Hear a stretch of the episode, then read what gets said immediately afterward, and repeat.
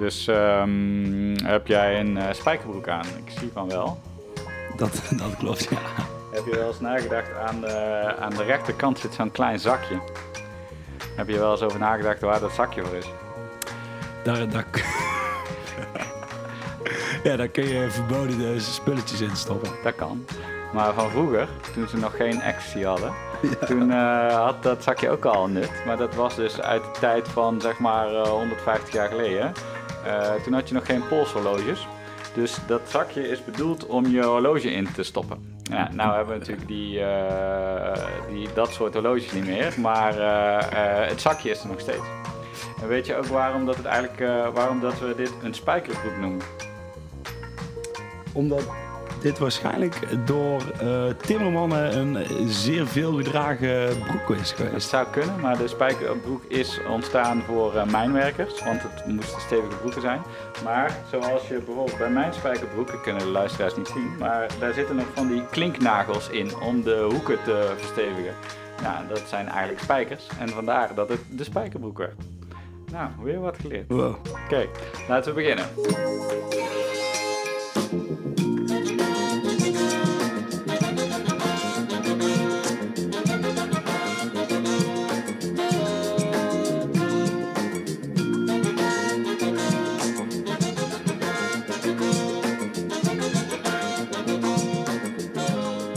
Dames en heren, van harte welkom. Aflevering 30 van Current Obsessions, de leukste podcast over marketing en media. En ik zit hier met een nieuwe co-host genaamd Thomas van de Biezen. Goede, goede middag. Welkom Thomas.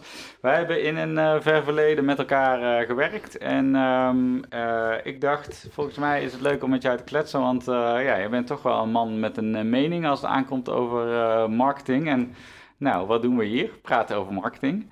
Dus, zou een eh, goede, zou een goede zou match een goede moeten zijn. match moeten zijn. En wij zaten van de week al even te appen over eh, waar gaan we het over hebben. En eh, nou, ik denk leuk om even een beetje in te spelen op de actualiteit. Ehm, heb jij de nieuwe campagne van Zeeman gezien? Zeemens, Zeemens, bedoel je? Zeker, ja, die, ja. die heb ik gezien, ja. Dat, Kun je voor eerst, voordat we erover gaan praten, even voor de mensen die het niet hebben gezien, even kort schetsen wat hun idee was? dat, dat moet zeker lukken. In het, in het kader van ja, eh, steeds meer genderneutraal eh, communiceren. Kijk, eh, bij mij op mijn werk hebben we nu ook al een genderneutraal toilet. Dus Netjes. waar, mannen en vrouwen door elkaar naar het toilet gaan. En in die trend dacht Zeeman in te springen met een nieuwe kledinglijn... die door zowel mannen als de vrouwen gedragen kan worden. De zeemens in plaats De van de zeeman. Precies. Ja, ik Ja. vond sowieso de woordspeling natuurlijk wel leuk. Eh, in de basis krijg ik natuurlijk wel enorm jeuk van eh, die, die genderneutraliteit. In de zin van eh, voor hoeveel procent van de mensen is dit echt een issue? Dus hoeveel procent van de Nederlander voelt zich geen man of geen vrouw? Aan de andere kant had ik wel het idee dat Zeeman dit wel toch wel aardig heeft gedaan. Ja, en ik moet heel eerlijk zeggen dat ik hem heel erg authentiek vond, ook wel bij, bij Zeeman. Ja? Kijk, zij ehm, zijn over het algemeen natuurlijk, ehm, zij hebben best wel simpele eh, producten. En als je Mhm. nu ook naar deze lijn kijkt, die is echt dus best wel een simpele lijn. Ik dacht altijd dat eh Zeeman producten sowieso al genderneutraal Ja, ja, ja, in, de basis, in de basis waren. Dus in die zin eh, vond ik het een vrij, vrij logische, logische stap. Ja, maar de- dus dat, het sluit, er is een bepaalde logica inderdaad. Hè? Dus zij maken dan, eh, ik zag die plaatjes, een soort eh, joggingbroeken en eh, dat soort dingen, die inderdaad prima door mannen en vrouwen gedragen kunnen worden. Dus het voelt, zo'n campagne voelt dan ook meer als een soort knipoog.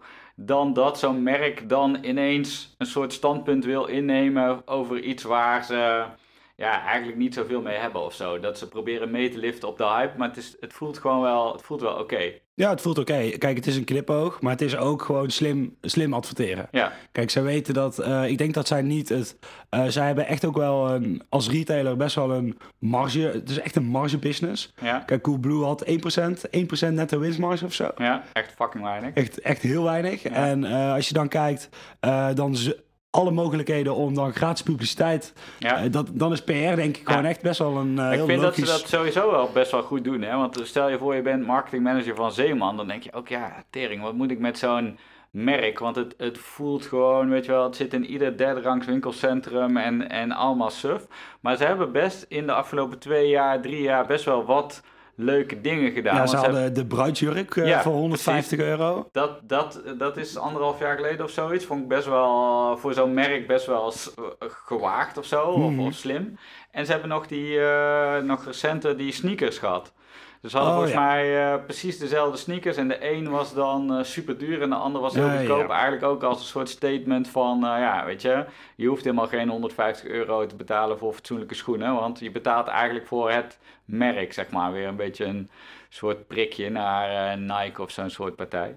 Ja, Dus- al, al denk ik dus dat dat, dat dan weer niet eh, werkt voor, eh, voor het publiek waar zij zich op, op richten. Waarom niet? Omdat ik denk dat het publiek zich daar niet mee wil identificeren met dat er, het feit dat er ook schoenen voor 150 eh Nee, dat euro interesseert zijn. ze waarschijnlijk gewoon Nee. überhaupt niet. Nee, dat is waar. Dat is waar. Maar aan de andere kant zetten ze zich ook wel weer neer als... hey, bij ons koop je ook gewoon goedkope, eh, kwalitatieve schoenen. Dus, ja, dus ik vond dat wel een geslaagd eh, ding. Kijk, en je ziet natuurlijk tegenwoordig wel steeds meer merken die zich, eh, nou, noem het maar even, maatschappelijk bewust opstellen. En de ene keer voelt dat heel logisch, de andere keer voelt dat heel eh, wringend. En ik denk dat we allemaal de voorbeelden wel kennen die eh soort van automatisch verdacht zijn. Hè? Dus daar ligt het er heel dik bovenop. Dan denk ik bijvoorbeeld aan eh, Shell. Met, Anna die hadden eh, Natuurlijk. Oh, en de fantastische de aflevering met, met Lubach. Ja, ja, de Great Travel Hack, waarbij je ook echt gewoon, dat ik ook denk, ja, maar denkt er dan niemand bij Shell na over, oké, maar dit gaat niemand pikken, zeg Nee, maar. ja, ik zat toen letterlijk bij Zondag met Lubach in de Oh, aflevering. oké, vet. Dat ja. was ook superleuk. Ja, Nee, ja, eh, inderdaad. Maar ook uiteindelijk hoe makkelijk Lubach het eigenlijk ontleed, weet je wel. Oh, ja, we're going to look for the fastest way to, eh, to, to Istanbul. Ja, Ja. dat is door met de trein te gaan, weet Ja, je wel. ja, dat was ook zo... Ja, Ja. ik vond het... maar, en, maar er zijn ook wel, dus die ligt er heel dik bovenop. Eh, eentje die wat minder kritiek kreeg, maar waar ik wel ook zo van dacht, oké, maar wat probeer je nou? Dus KLM had een tijdje, volgens mij doen ze het nog steeds met Fly Responsible.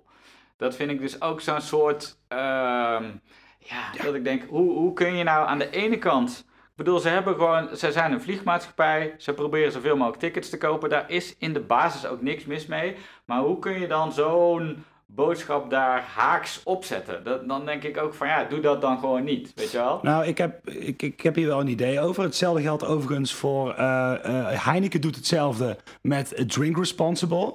Mhm. Eh, waarom denk je ook dat Heineken overal nu 0.0 eh, adverteert? Hè? Kijk, eh, gisteren bijvoorbeeld eh, naar het voetbal. Mhm. Hè, je ziet overal Heineken 0.0. Mhm. Nou, ik denk dus dat het te maken heeft met het feit dat zij onderzoek hebben gedaan en dat ehm, die 0.0 helemaal niet uitmaakt eh, voor het effect wat je doet, eh, wat je hebt op een consument. Heel veel advertising gaat uiteindelijk gewoon om het refreshen van het merk en Ja. een bepaalde memory statement. Ja. En het maakt niet uit of daar nu staat eh, 0.0 of Als, als fly responsible. maar gewoon continu in beeld Het, het gaat om KLM en over Ja. Fly en dat daar ook nog responsible is, dat is totaal niet wat Nee, mensen Het vervolgens... is gewoon weer gewoon eh, een soort. Ja, gewoon je, je merk wordt, komt elke keer langs. En eh, ja, dat zou zeker wel eens kunnen, ja. ja. Dus dat is wel grappig. Maar ja, het is wel... ehm, ik zat aan de, aan de hand van dat zeemens voorbeeld wel te denken van... Oké, dat, dat hele, als je het breder pakt, purpose marketing... Wat, wat, wat is hier nou aan de hand? Hè? Want aan de ene kant kun je toejuichen en zeggen... Ah ja, dat is goed dat bedrijven zijn, zijn maatschappelijke verantwoordelijkheid gaan nemen. Ja. Aan de andere kant, er wringt gewoon altijd iets. Ja. Eh, dus ja, je hebt die Paul Polman van Unilever, die, die ook op zo'n positie zit van eh, Unilever wil dan ook eh, een meaningful impact maken en zo. Aan de andere kant worden ze ook gewoon gedreven door aandeelhouderswaarde. Ja, tuurlijk. Kijk, Unilever komt nu met de uitspraak dat ze, ik geloof dat ze zeiden dat ze alleen nog maar purposeful eh, bedrijven in hun eh, portfolio eh, willen hebben. Dat is geloof ik Connie Braams, de een van de, chi- dus de, CMO, van, CMO en digital Ja, nu. Ja, Dus dat is nogal een enorme ja zit hoog in de boom. hoge ho- een dame hoog in de boom. Een Nederlandse ook. Dus dat is ook wel echt, denk ik, knap voor het Nederlandse marketingvak. Maar als je dan eigenlijk kijkt naar, die merken, en ik denk dat daar een heel, heel mooi verschil in te maken is, heb je natuurlijk Ben Jerry's. Ja. Die hebben ook een bepaalde purpose. Mhm. Ik geloof dat zij ook heel erg op, op, op je vrij voelen eh, ja, die zitten, zitten. best wel op die eh Zitten ook LA, heel erg op de- dat? Eh, op de eh, LGH, eh, op de gay ja, eh, community. Moeilijke vier letter afkorting. en een plusje. ja. op die community. Eh, en je hebt een merk als de vegetarische slager, Ja. wat natuurlijk recentelijk is overgenomen. En ik denk dat daar een mooie tweescheiding in de purpose marketing eh, bedrijven te maken is. Ja. Is dat je natuurlijk, een, ja, aan de ene kant heb je bedrijven die purpose gewoon in de kern van het bedrijf hebben zitten, zoals de vegetarische slager. Ja. Want die Ja. hebben met een bepaalde purpose, hebben zij hun bedrijf eh, opgericht. Ja. En aan de andere kant heb je dus bedrijven die eigenlijk purpose gebruiken om zichzelf te positioneren. Ja. Kijk, en ehm, ja, ja, wat is, eh, ehm, als je bijvoorbeeld kijkt naar een, eh, een ander merk als, ik, ik las op, op internet, Cadbury, die hebben Generosity. Mhm. Eh, Oreos is eh, Being Playful. Uiteindelijk, dat zijn meer positioneringsgebieden dan dat Ja. dat echt daadwerkelijk eh, purpose eh, marketingbedrijf is. Ja. Dus, Maar, maar soms gaat het dus goed en soms wringt er iets. Dus ik denk dat je wel heel erg gelijk hebt met... eh, er is een groep bedrijven waarbij purpose eh, eh, zo diep in de kern... Dat is de bestaansreden van het merk, zeg maar. Hè? De vegetarische slager, om maar iets te noemen. Dus dan, dan heb, heb je dat als bestaansreden en daar ga je omheen marketen. En dan heb je daarmee automatische positionering. Je kunt als bedrijf ook eh, een purpose omarmen. Ehm, bij Ben Jerry's, dat vind ik wel een mooie case, want daar weet ik het dus niet zo goed wat ik daarvan vind. Omdat, eh, en dat, dat gaat dan over dit, eh, de gay-lesbian eh, omarming, maar het gaat nog op een slag verder over Ben Jerry's zelf. Want zij positioneren zich ook als zo'n heel, ehm, hoe noem je dat nou? Niet amicaal niet, maar als een heel aanraakbaar bedrijf. Mhm. Ze, ze hebben altijd dat verhaal van letterlijk Ben en Jerry die in Australië in de garage. Maar ja, het is gewoon fucking Unilever. Dus, Ja. dus wat lul je nou over je, je schattige eh, ding? Het is gewoon eh targets Ja, je moet gewoon ijs verkopen. Ja, en eh, uiteindelijk is dat eh, uiteindelijk waar het onderaan de streep aan draait. En het lijkt wel alsof we allemaal met elkaar dat dat, dat erg is, weet je wel. Dat je, dat, dat je verkoop moet realiseren. Ik bedoel, eh, als ik heb vrienden van mij die zijn eh, timmerman of tegelzetter. Ja. En ja, het is echt niet zo dat die het erg vinden als ze eh, een klus hebben binnengehaald, weet je wel. Dat, Nee, nee, waarom dus zou de niks, mis, niks mis met geld. Maar er wringt wel iets als dat je, als dat je ehm, eh, doet. Dan moet je daar, dus daar moet je eerlijk over zijn. Van Ja. oké, we zijn gewoon een bedrijf, we willen geld verdienen. En eh, nou, als we en passant iets goeds kunnen doen, dan, dan vinden we dat ook mooi. Maar het gaat wringen als dat je jezelf erop laat voorstaan dat je het eigenlijk doet voor de wereld. Weet je Ja. wel? Dus eh, zo'n Unilever vraagt me dan dus een beetje af van... Ja, weet je, als je echt sustainable wil zijn, dan moet je misschien überhaupt geen eh, zeep en shampoo en eh, toestanden maken, zeg maar. Ja, maar ja, doe je het dan voor de wereld of doe je het voor de interne betrokkenheid? Want dat zou natuurlijk ook nog kunnen. Ik denk dat bijvoorbeeld ook heel veel bedrijven... Ja, hoe zorg ik ervoor dat ik nou bijvoorbeeld talent aantrek? Mm. En ik denk dat voor heel veel mensen ook eh, een purpose wel belangrijk is om voor Ja, een merk te kiezen. is het dan niet gewoon een soort opgeplakt sausje? Dus dat het dan dus niet waarachtig is of authentiek of weet ik veel wat? Dus, dat je, dus dan doe je het eigenlijk niet omdat je echt denkt dat dat een goede richting is voor humanity, de wereld, maar omdat je gewoon denkt, ah, dat komt me eigenlijk wel goed uit. Ehm, Dus, dus stel even, ik kom jou tegen op een feestje.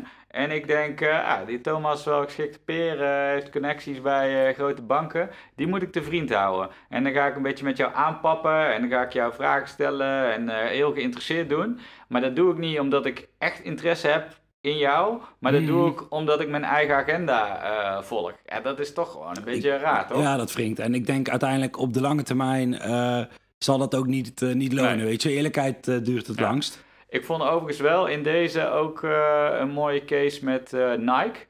Die, uh, die Colin Kaepernick, die NHL-player, die, dat is volgens mij al twee jaar geleden, dat hij stopte met het knielen voor het volkslied. En dat deed hij in protest tegen police brutality en racisme.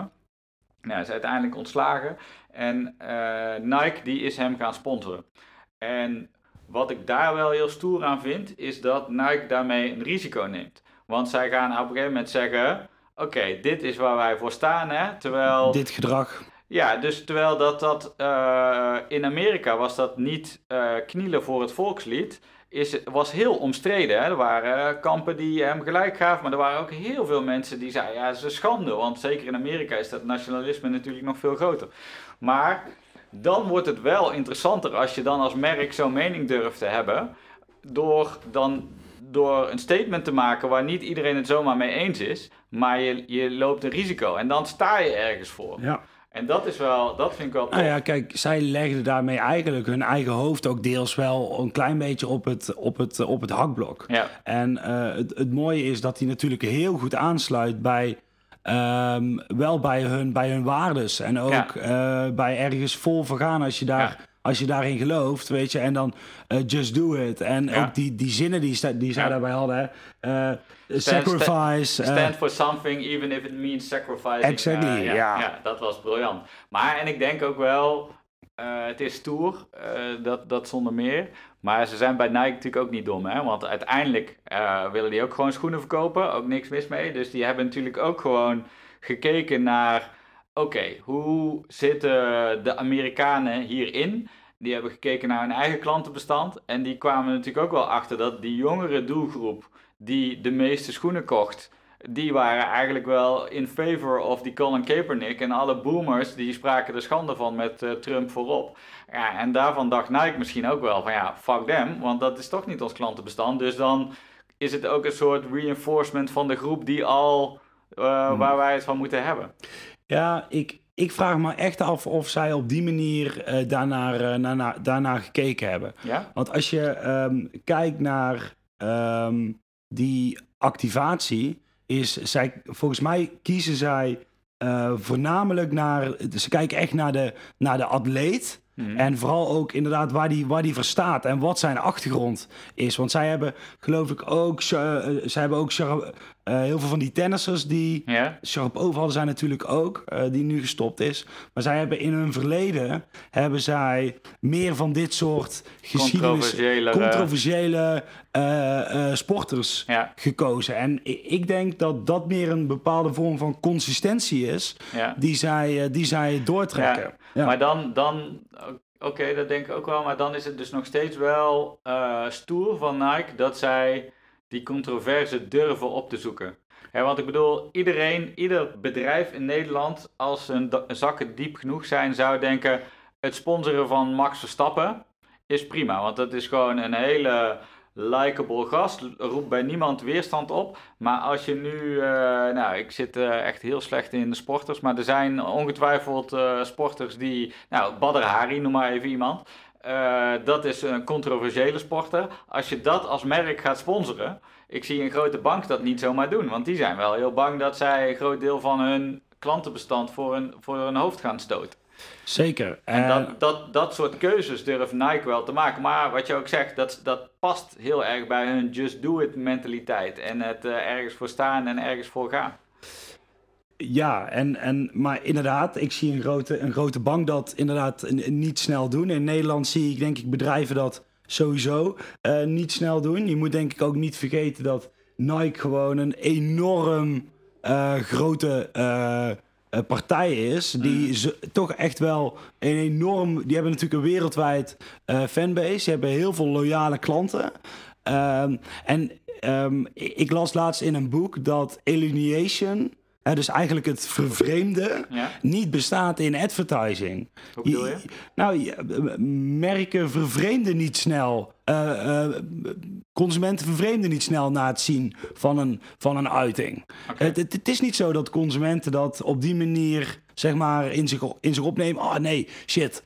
Ja, dit... Maar dan, dan zeg je eigenlijk ook van wij zitten ons nou in een marketingvak misschien daar heel druk over te maken, maar de klant als die gewoon waar voor zijn geld krijgt, dan vindt hij het eigenlijk al snel wel prima misschien. Ja, zeker. Kijk, ehm, je ziet bijvoorbeeld nu ook de Burger King bijvoorbeeld, hè, met, Ja. eh, met die nieuwe reclame, met die fantastisch lekkere, zien, eruit ziende burger eh, van 35 Ja. dagen oud. Ja, want eh, En- schetsen, ik heb hem gezien, maar voor de mensen die hem niet hebben gezien, dus Nou, hebben een, kijk, een, zij, een zij, ad. ge- zij gebruiken geen kunstmatige ja, intelligentie, kunstmatige conserveringsmiddelen. conserveringsmiddelen in hun, in hun voedsel. ja. En daardoor, dat zorgt ervoor dat hun burger op een gegeven moment ja, eigenlijk gaat... Verrot. Ja, verrot. En Ja. dat ziet er niet lekker uit als je dat dan 35 dagen eh, laat staan. Ja. En eh, hun boodschap is eigenlijk, eh, McDonald's doet dat wel. Ja. En de KFC waarschijnlijk ook. Ja. En door deze advertentie te laten zien, dus dat is een burger die er ja, eigenlijk pimpelpaars en grijs Ja. uitziet. en dan met de tekst no in, artificial Ja, eh, shit. shit. En weet je, eh, op die manier deze advertentie te laten zien, eh, proberen ze eigenlijk het besef aan te wakkeren bij de consument. Dat het op andere Dat plekken dat bij wel andere gebeurt. plekken Ja. dus wel, bij andere plekken dus wel gebeurt. En dit is denk ik ook weer zo'n vorm hè, van, eh, net als Siemens, maar net als Nike en net als Burger King, waarbij je eigenlijk ziet dat merken veel meer in de, ehm, ja, ze willen opvallen. Hè, Mhm. en dat Mhm. draagt dan bij aan brand, brand salience, wat, Ja. wat, wat Byron Sharp eh, eh, noemt. Ja. En, en dat is eigenlijk wat eigenlijk boven alles staat. Dus het maakt niet uit wat we roepen, als maar ons merk eh, zeg maar goed naar boven, komt. drijven. En dat het uiteindelijk zeg maar in het, in het, ja, in het hoofd blijft, blijft zitten. Ja, ja dat, dat is misschien wel zo dat ook als je, nou weet ik veel, zet even de radio aan, de tv aan en ga een half uurtje op internet. Wat je, nou hoeveel eh advertising boodschappen zou je krijgen? Nou, tientallen in ieder geval. Eh, dus die negeer je als consument in principe 99% van de gevallen. Tenzij dat jij in de markt bent voor zonnepanelen, dan vallen de zonnepanelen advertenties je op. Precies. En dan Maar- denk je opeens dat je, als je er toevallig net met je vriendin over gepraat hebt. Ja. hey, Facebook en Google, Ja, kijk, die, die luisteren me af. Ja, oh, wat een fuckers.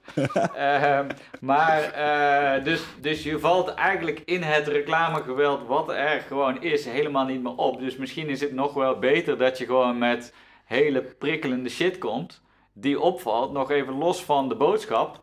Eh, want het is gewoon dan eigenlijk even, hey, je hebt een soort stopping power van Burger King die met iets opvallends komt.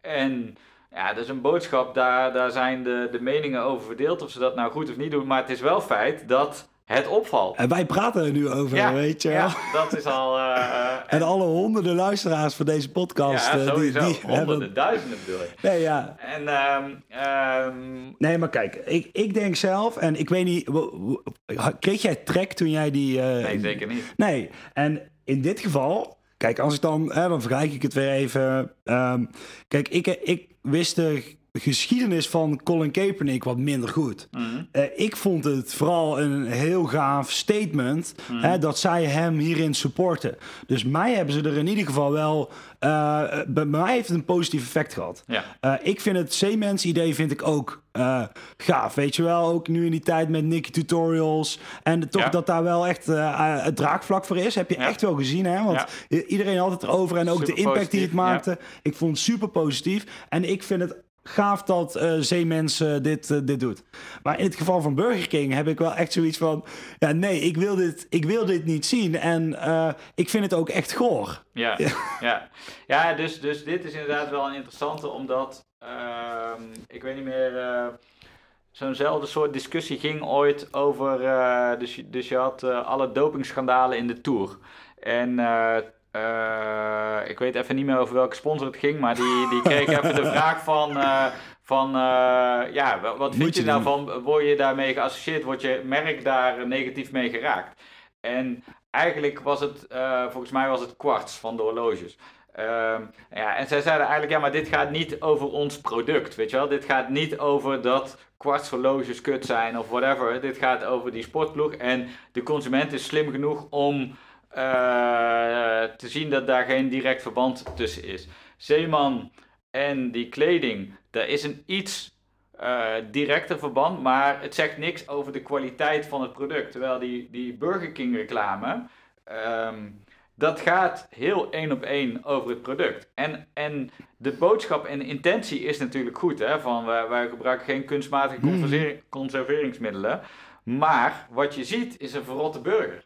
En eh, als je er rationeel over gaat nadenken, dan kun je denken: oh ja, positief eh, gevoel bij, bij Burger King. Maar 95% of 80% van de consumenten die dat ding eh, voorbij zien komen, die gaan daar niet rationeel over nadenken. Die gaan gewoon via die Ja, onderbewuste route. Systeem 1. Ja, precies. En die zien eigenlijk alleen maar een verrotte burger en, En en, het logo van Burger King. Dus ja. Ja. dan kan je je afvragen, Ja. is dat slim? Maar, en, desalniettemin, als mede, ehm, bij dit soort eh, reclames heb ik wel ook altijd wel dat ik denk, oké, is dit nou een reclamebureau of een creatief die graag een prijs wil winnen? Ja, maar dit is sowieso de discussie die Ja. enorm veel gevoerd wordt. Ja, Kijk, Burger King heeft de afgelopen jaren eigenlijk alleen maar van dit soort hacks gedaan. Hè? ja, Ze hebben mensen langs de eh, McDonald's gestuurd om daar een coupon op te halen. Om dan vervolgens voor een euro een wopper te krijgen. oké. Ja, dus ze hebben Ja, echt ja. de afgelopen jaar eh, ze hebben echt meer prijzen gepakt dan Ajax. Ja, En eh, Ajax heeft in mijn eh weten toch aardig wat, aardig wat prijzen weten te pakken. Nee, ze hebben echt gigantisch veel prijzen opgehaald. De, de, de, ik geloof dat ehm, een enorm, hij heeft een enorm Mexicaanse naam. Ehm, nou, de, de CMO was ook CMO of the Year. oké. En eh, ja, Maar Burger King gaat niet zo lekker, toch? nee, Qua- ze doen het veel minder dan. Ze doen het echt veel minder dan, eh, eh, dan de McDonald's. En ik las een analyse van Mark Ritson, een Ja. van de andere schrijvers die ik veelvuldig.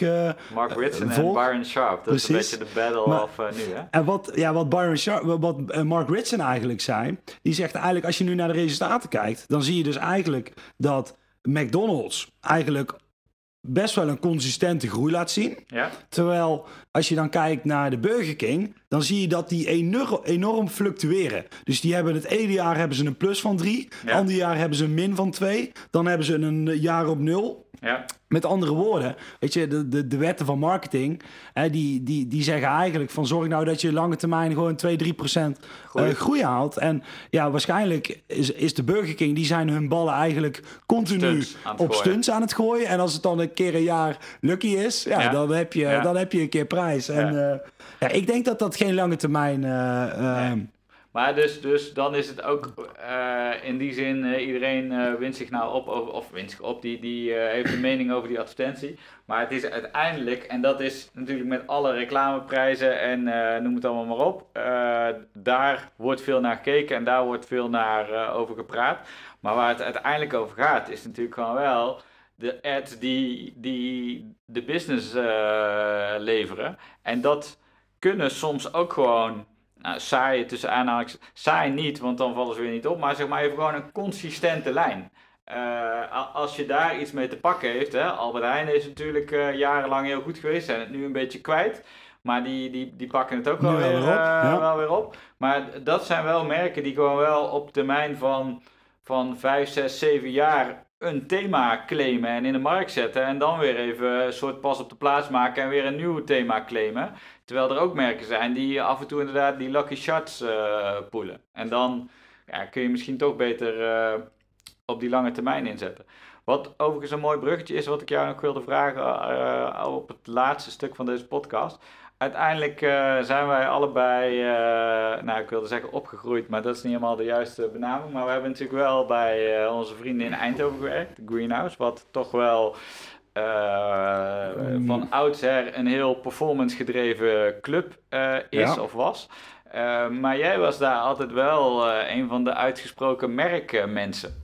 Waar, eh, waar, is jouw, eh, waar kwam dat vandaan? En, en hoe. eh, en je, zit daar nu ook nog steeds wel hè, met Byron Sharp en Mark Ritson en allemaal dat soort dingen. Daar zit jij wel heel erg bovenop. Ja, zeker. Nou, kijk, ik was ook wel enorm in de performance, maar ik vond het gewoon, ik wou vastigheden wou ik hebben. Mhm. En om uiteindelijk, ehm, ik ben dat boek eens gaan lezen, hè, Barn Sharp. Ik, ik, ik, wij werden toen overgenomen door eh, Group M. Ja. En toen sprak ik met collega's van, eh, van, van Mindshare. En die zeiden, nou Thomas, en nu we samen op, eh, op ING gaan werken. Want toen Ja. ging ik vanuit Greenhouse op ING werken. Moet je misschien toch eens een keer ook wat andere literatuur lezen. En dan, dan dat je nu natuurlijk echt in je Eindhoven-bubbel Ja, het, aan, het, aan het totje nemen bent.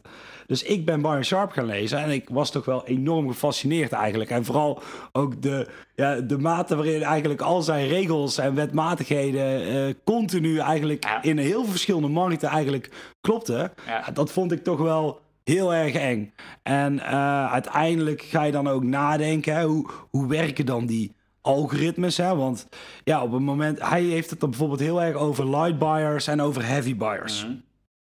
En op een gegeven moment heb ik toen... Waarbij de oude theorie eigenlijk is, eh, focus je op de heavy buyers. Want ja. Eh, die brengen de revenue, ja, 80, 20 een beetje 80-20 regels, 80-20. Waar hij uiteindelijk best wel de vloer mee aanveegt, toch? Hij veegt daar enorm de vloer mee aan. Hij zegt eigenlijk, die mensen die kopen sowieso al. Ja. En ook als jij gaat adverteren, die zijn heel gevoelig voor jou. Dus Ja. die, die zien jou meteen. Net, een beetje het idee wat wij net zeiden over de, over de, over de zonnepanelen. Op het moment dat je al heel erg in die categorie zit, dan, Dan valt, op. alles op. En daar heb je eigenlijk heel weinig mee nodig. Mhm. Hij zegt ook, promoties, dat is eigenlijk als een handgranaat. Want iemand, als jij iemand, een heavy buyer, een promotie geeft, dan slaat hij heel veel spullen in. Ja, En dan... ehm, kost het je eigenlijk alleen dan maar kost geld. het je eigenlijk eh, alleen maar geld. Nou, en eh, het, het idee is, zeg, richt je nou op die, op die lichte koper. Probeer die mensen van één naar twee keer in het jaar te krijgen. En eh, ja, daar heb je uiteindelijk een veel groter effect, heb je een veel groter effect aan. En ik ben toen eens gaan kijken, oké, hoe kan ik dit dan nou naar digitale marketing eigenlijk krijgen? En wat ik bijvoorbeeld dacht van, oké, als wij nu bijvoorbeeld op Facebook een campagne draaien, dan gaat Facebook natuurlijk mijn campagnes zoveel mogelijk uitleveren. Eh, Die korte aan, die, mensen. aan die heavy, eh, aan die heavy Oh, zo, ja. buyers. Ja, ja, oké. Waarom? Facebook wil uiteindelijk ROI eh, aantonen aan hun platform. Want anders dan, ik kan natuurlijk continu mijn, mijn euro's kan ik, wisselen. Ja, En hun willen natuurlijk uiteindelijk dat hun ROI op het platform hoog is. Zodat ik meer ga investeren. Dus wat je eigenlijk ziet met die platformen, die hebben een enorme incentive. En die hebben ook nog eens de data om die heavy buyers te vinden. Dus die gaan voornamelijk uitleveren aan die heavy buyers.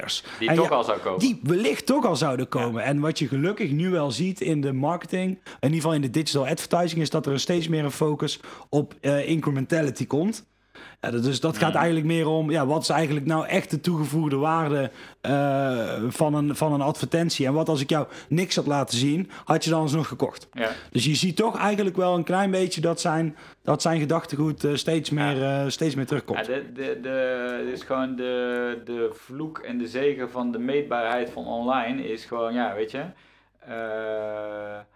de, de metric waar je naar kijkt, ja, daar ga je er meer van krijgen. En zeker inderdaad met die algoritmes die erachter liggen. En de lange termijn metrics, die zijn gewoon moeilijker. Weet je, als Ja. ik jou eh, hier een handvol slagroom geef, dat heeft meteen een eh, soort smaakexplosie. Terwijl als ik jou een handvol sla geef, ja, dat is minder eh, effect. Maar eh, eh, die sla is op de lange termijn wel beter voor je. Ja, precies. Nou, die, speaking. die heb ik, eh, die heb ik nog, niet, eh, nog niet eerder gehoord, maar ik vind het mooi. Ja. Ehm, eh, we zijn eh, iets meer dan een half uur bezig. Laten we het hierbij laten. Ik vond het een leuk gesprek. en eh, we moeten denk ik nog een keer eh, verder praten over Byron Sharp versus eh, Mark Ritson en alles wat daarbij eh, hoort. Eh, dus als je dit nou ook een leuk gesprek vond, dan eh, ga even, klik even op follow in je podcast app en eh, kom de volgende keer weer terug. Volgende week zijn we er weer met aflevering 31. Dankjewel en tot ziens. Oh. Dan mag jij ook nog even tot ziens zeggen. Ja, tot, tot ziens allen. Doei. Hoi hoi.